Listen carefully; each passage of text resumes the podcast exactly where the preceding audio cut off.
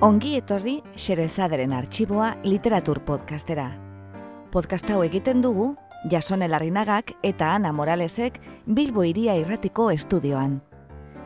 Guk bezala, zuk ere uste baduzu munduan gauza gutxi direla, hain atseginak nola ipuin on bat patxada zentzutea, gera zaitez gurekin. Eta prestatu munduko kontakizunik bikainenak euskaraz entzuteko.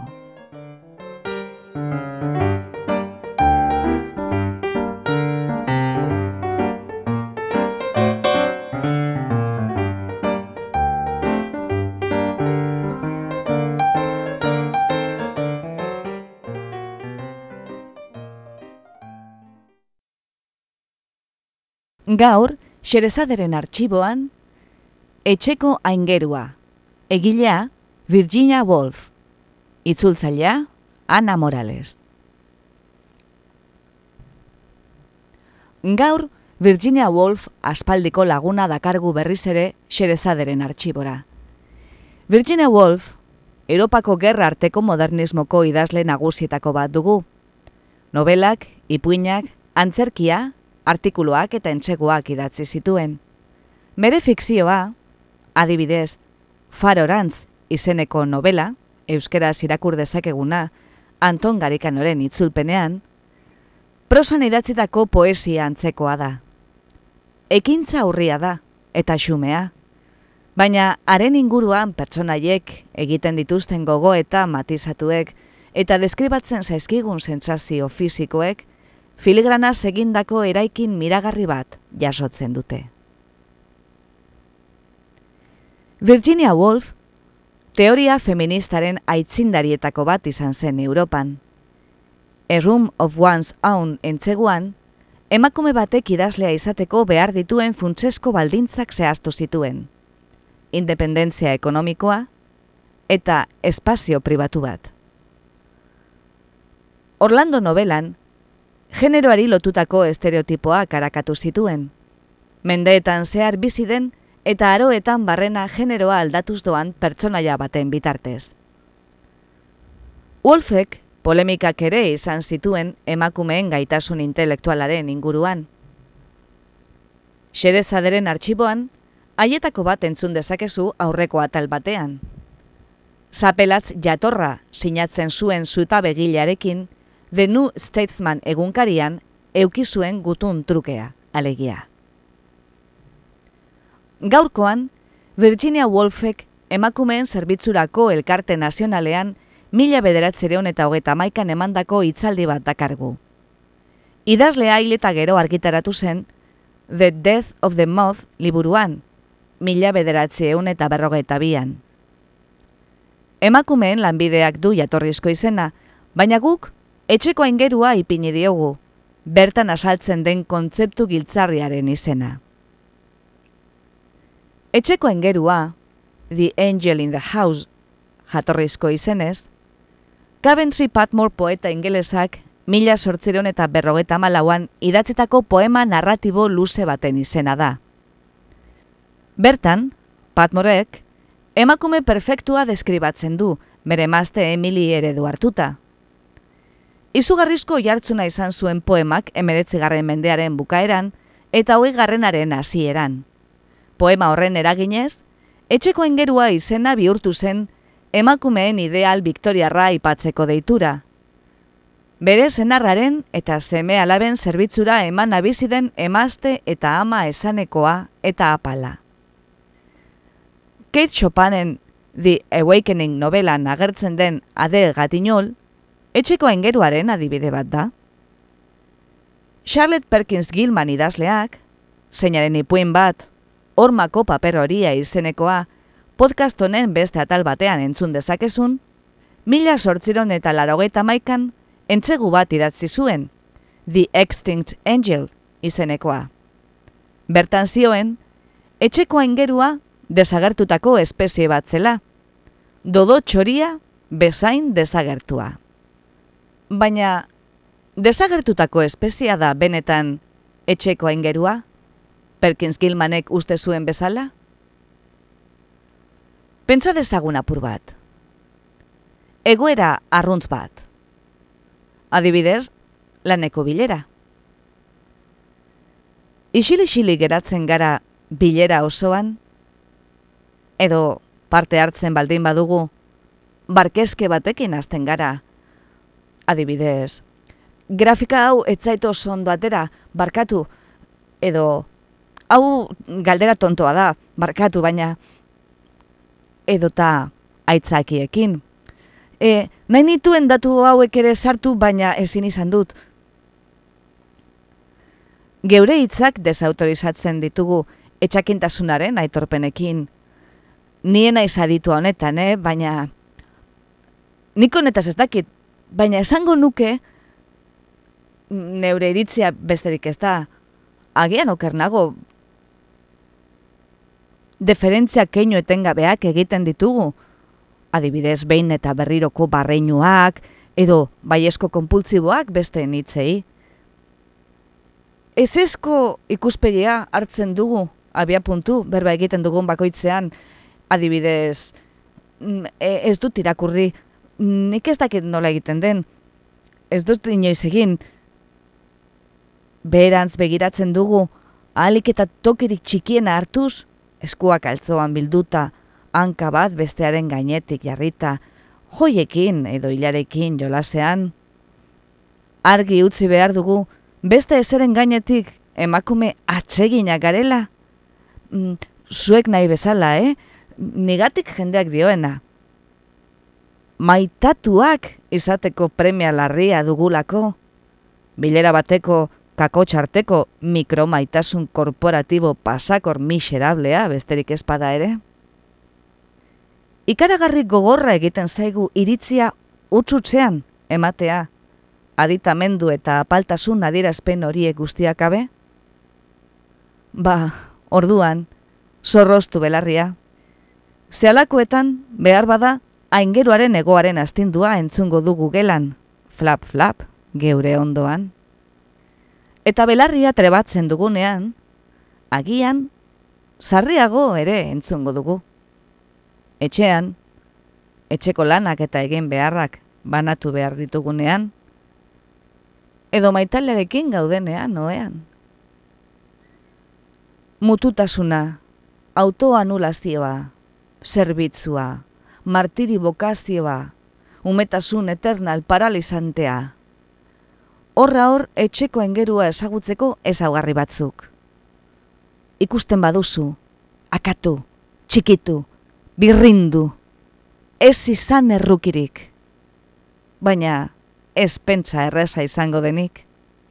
Virginia Woolfek esan zuen, asko zailagoa da mamu bat hiltzea, errealitate bat hiltzea baino. Eta orain, entzun dezagun, Virginia Woolfen, etxeko aingerua.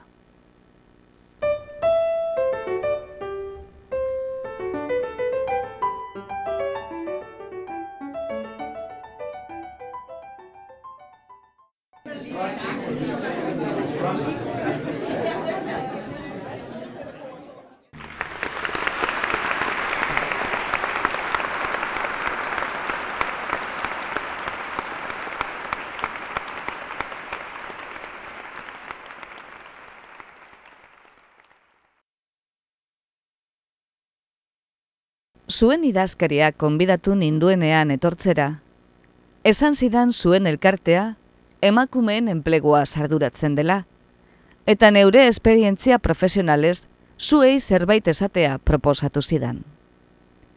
Egia da, emakumea naizela. Egia da, lan egiten dudala. Baina, ze esperientzia profesional izan dut nik?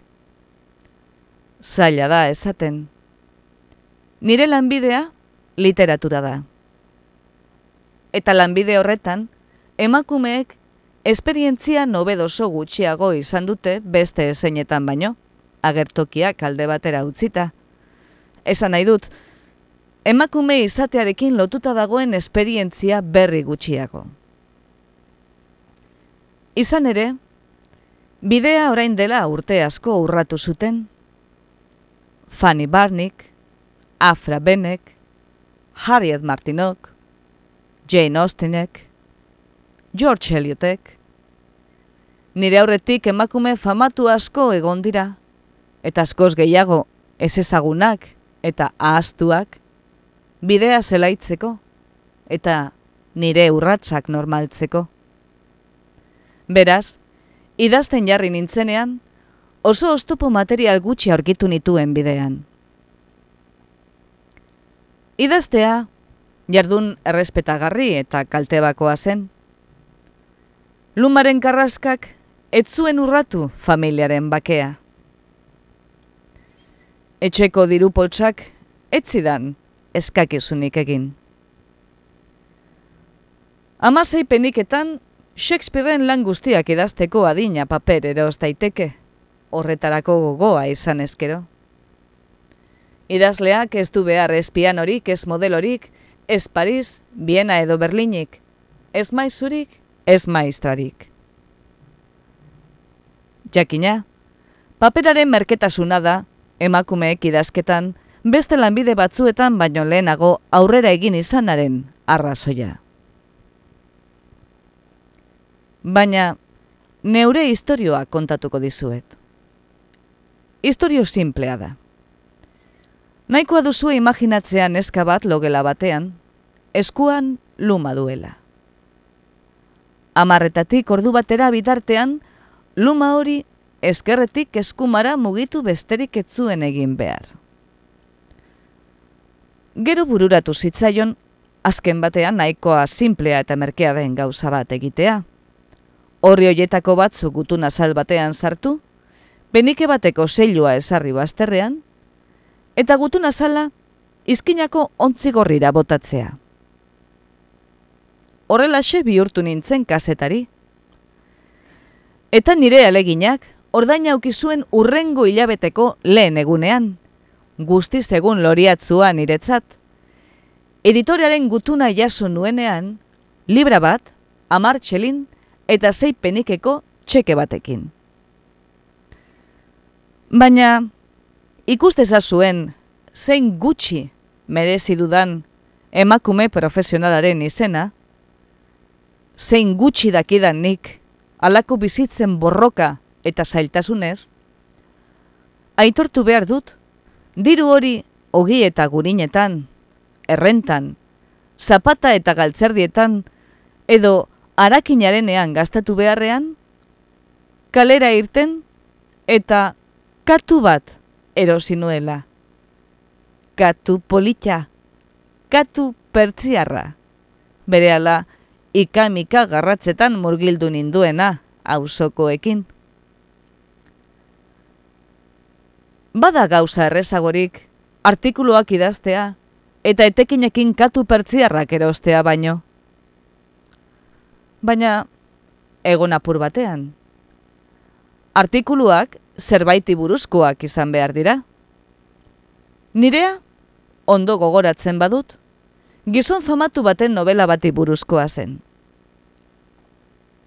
Eta erreseina idazten nenbilela, konturatu nintzen, liburuen erreseinak idatziko banituen, mamu jakin batekin borroka egin beharko nuela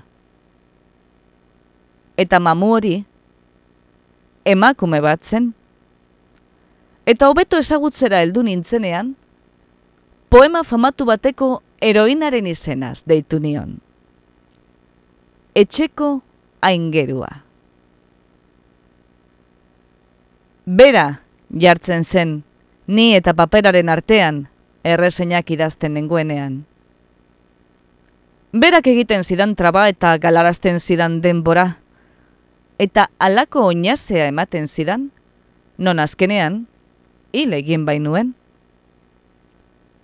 Zuek, belanaldi gazteago eta zoriontzuago batekoak zaretenok, agian ez duzue haren berri. Behar bada ez dakizue zertaz nabilen, etxeko aingerua aipatzen dudanean. Alik eta laburren deskribatuko dizuet. Izugarri esanekoa zen. Ikaragarri xarmangarria zen. Erabat, ezberekoia zen.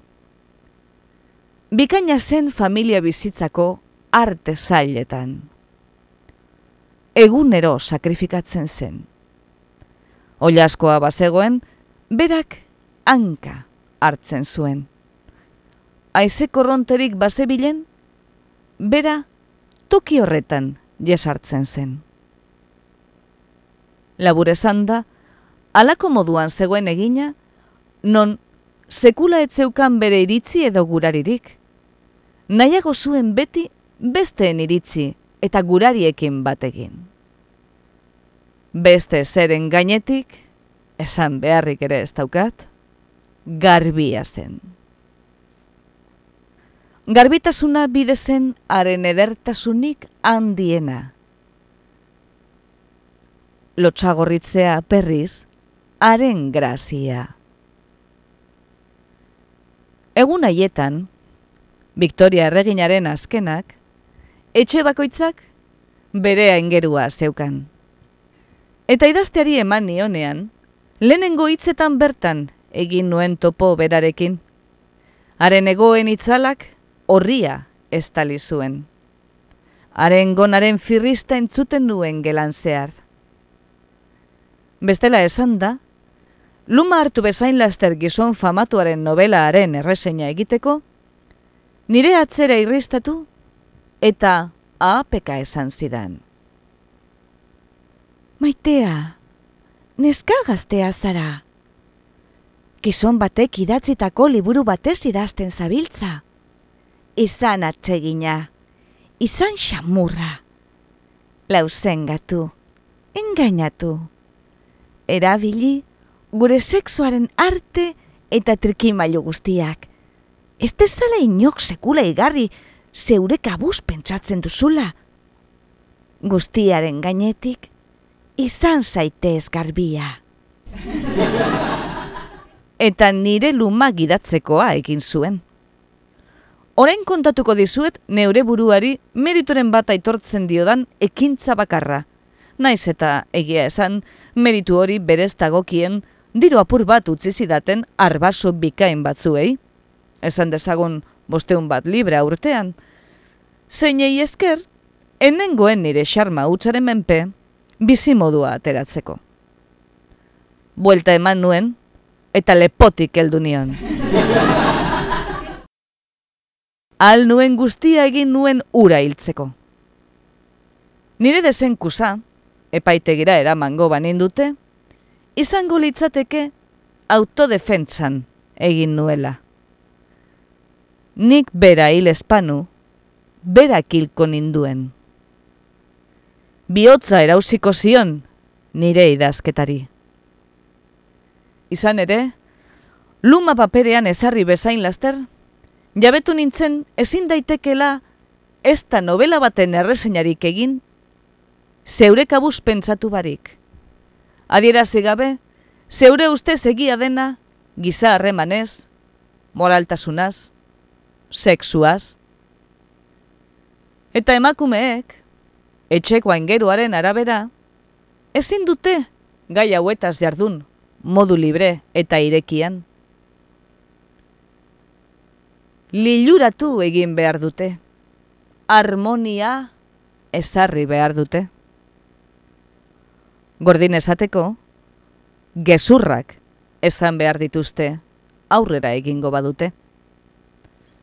Beraz, haren egoaren itzela edo haren aloaren diztira horrian sumatzen nueneko, tintontze hartu eta bota egiten nion. Kostata nuen, asko lagundu zion irudimenezkoa izateak. Askoz gaitzagoa da mamu bat hiltzea, errealitate bat hiltzea baino. Gainetik kendu nuela uste nuenean, han bueltatzen zen beti, narraz.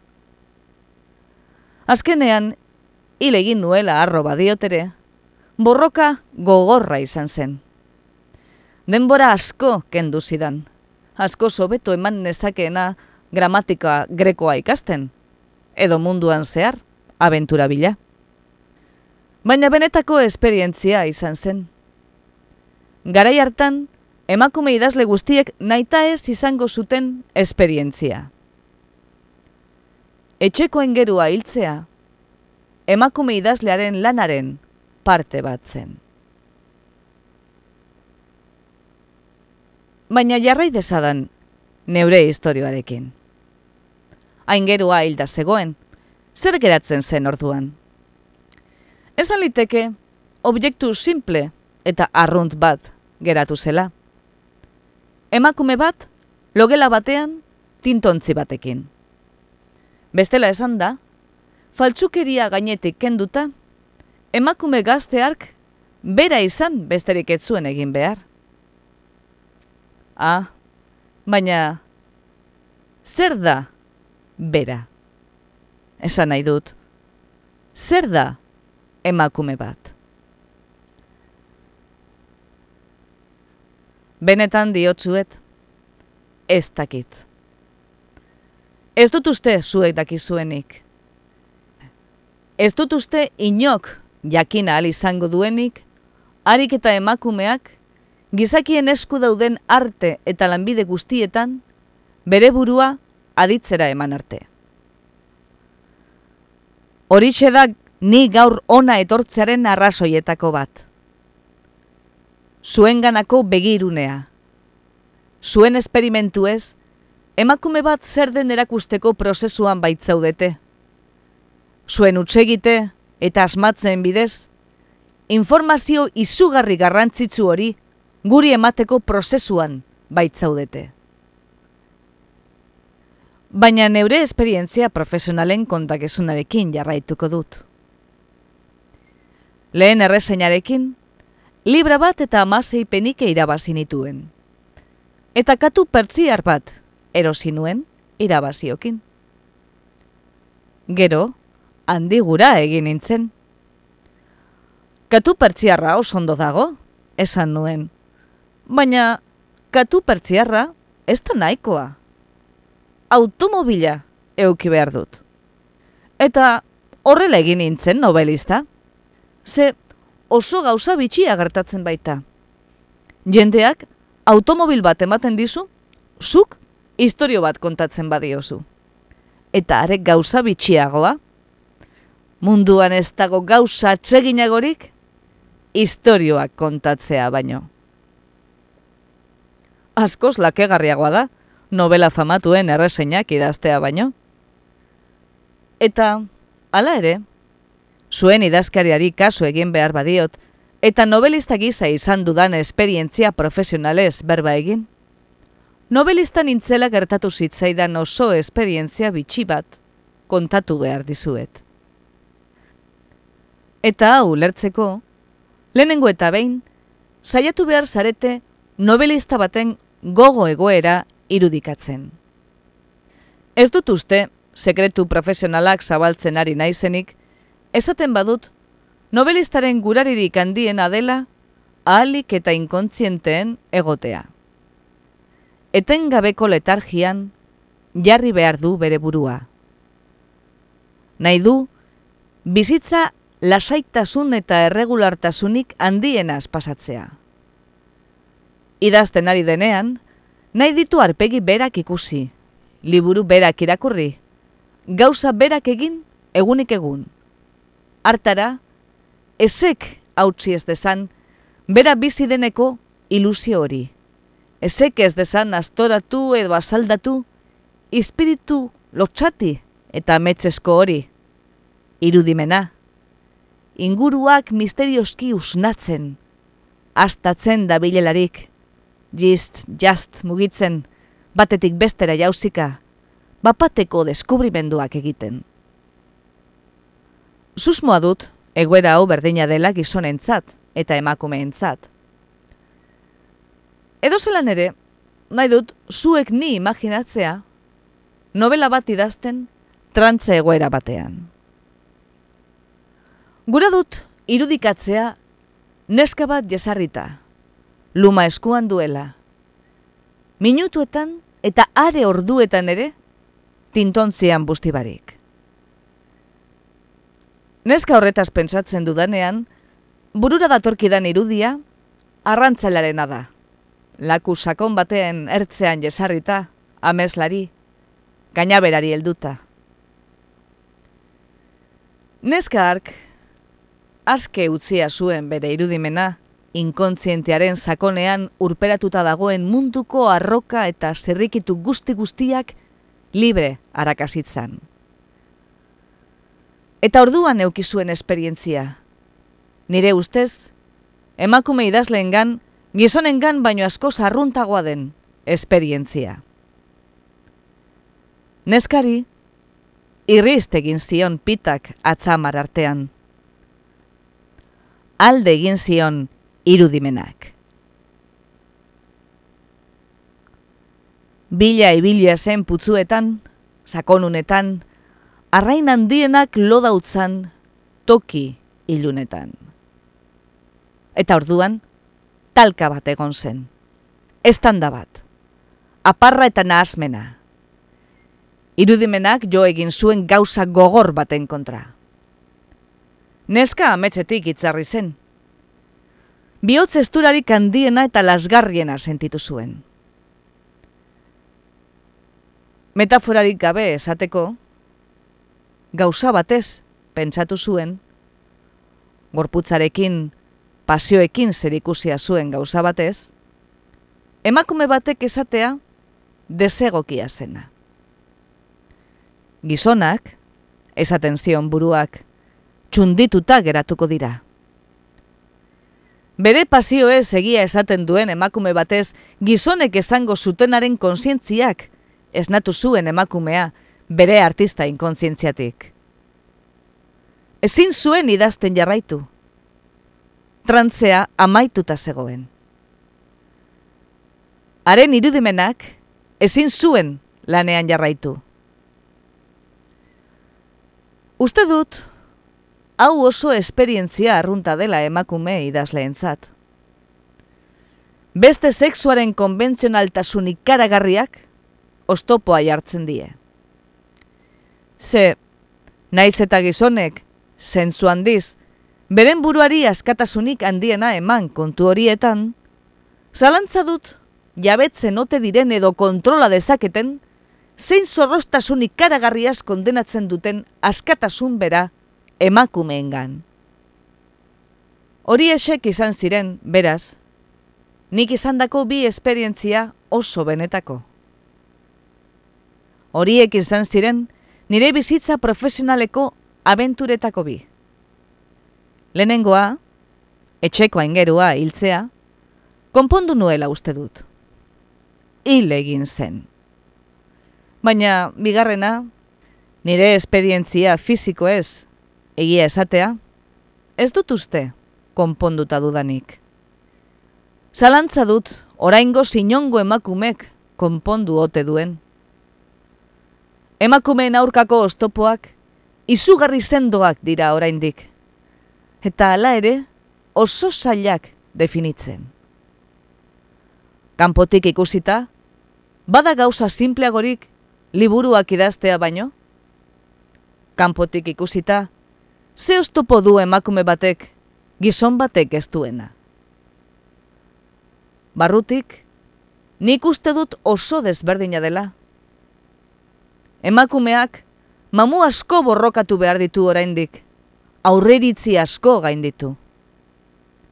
Benetan uste dut, oraindik ere luze joango dela, emakume bat liburu bat idazten jesarri aldenerako, akabatu beharreko mamu bat aurkitu gabe. Arroka baten kontra, jo gabe.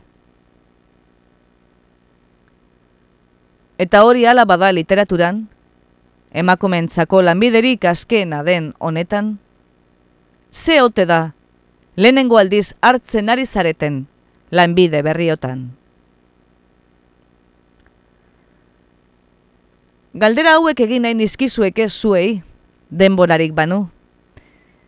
Eta egia esan, neure esperientzia profesional bi horiek azpimarratu baldin baditut, hori da uste dudalako, zuenak ere badirela, molde diferentetan bada ere.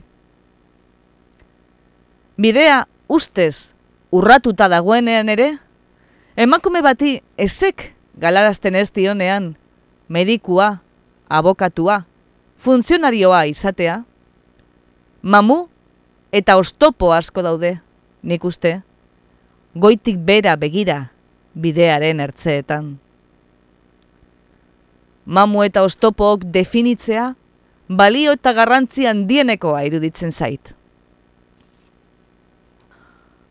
Horrela baino ezin baita atasa hau elkarlanean egin, zailtasunak gain ditu.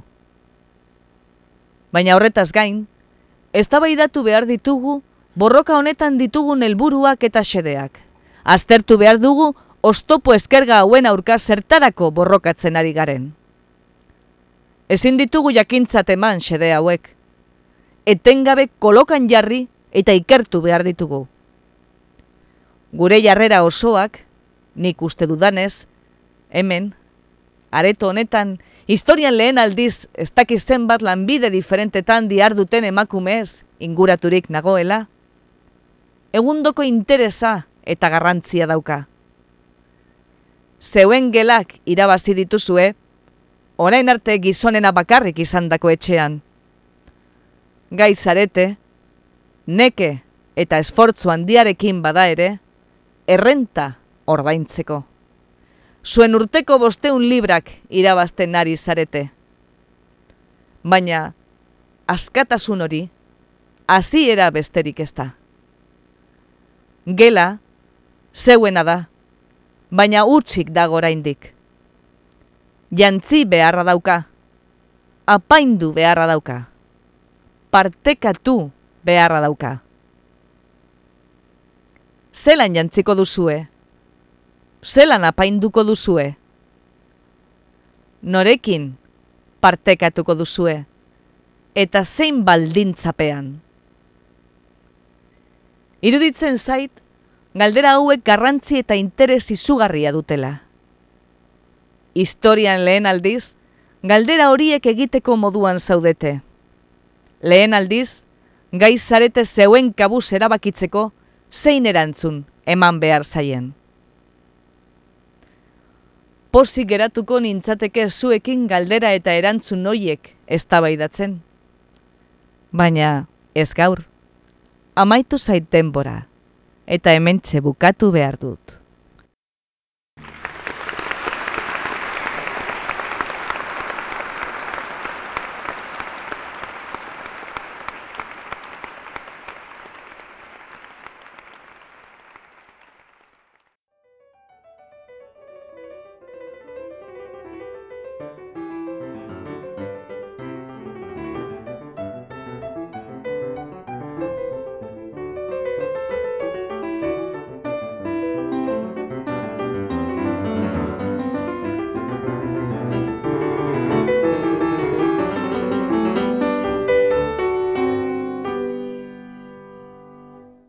Entzun duzu, etxeko aingerua. Egilea, Virginia Woolf. Itzultzailea, Ana Morales.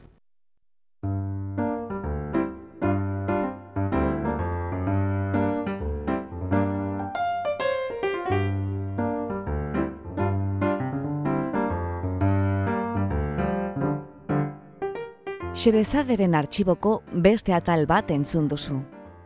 Gure doinoa da Charleston Behind the Attic Door, Dance of the Wind taldearena. Beste dikadirazi ezean, gure musikak jamendo.cometik hartuak dira, eta soinu efektuak berriz freesound.cometik ateratakoak. Podcast hau egiten dugu Jasonen Arinagak eta Ana Moralesek Bilbo Iria Irratiko estudioan. Gure audioak online entzuteko edo eskuratzeko eta podcastaren arpide duen egiteko, bilagaitzazu iTunesen edo joan gure blogera irubebikoitz.blogak.com barra isa. Irriketan gaude zure iritzia jakiteko eta zure gurariak betetzeko. Beraz, gure blogera soazenean, eza astu iruzkina ustea eta irakurgai proposamenak egitea. Eskerrik asko gurera hurbiltzeagatik. Gustora egon bazara, etorri urrengo batean berriz ere, Xerezaderen arxiboa literatur podcastera. Laster arte!